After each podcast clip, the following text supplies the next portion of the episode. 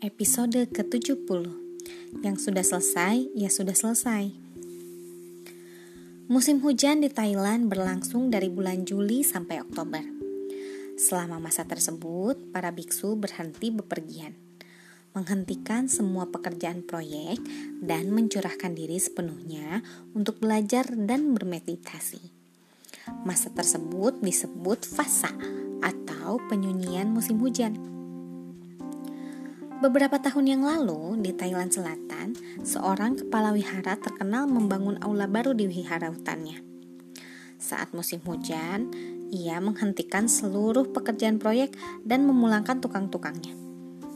Ini adalah saat untuk hening di wiharanya.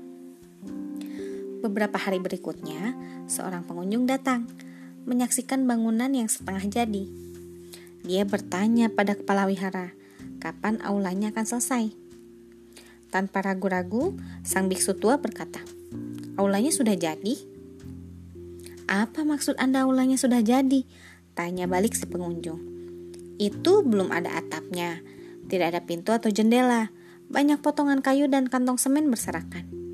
Apakah Anda akan membiarkannya begitu saja? Apa yang Anda maksud aulanya sudah jadi?" Kepala wihara tersenyum dan menjawab lirih, "Yang sudah selesai ya sudah selesai." Dan dia pun beranjak pergi untuk bermeditasi. Itulah satu-satunya cara untuk melaksanakan penyunyian atau rehat. Jika tidak demikian, pekerjaan kita tidak akan pernah selesai. Sekian, terima kasih telah mendengarkan. Selamat malam.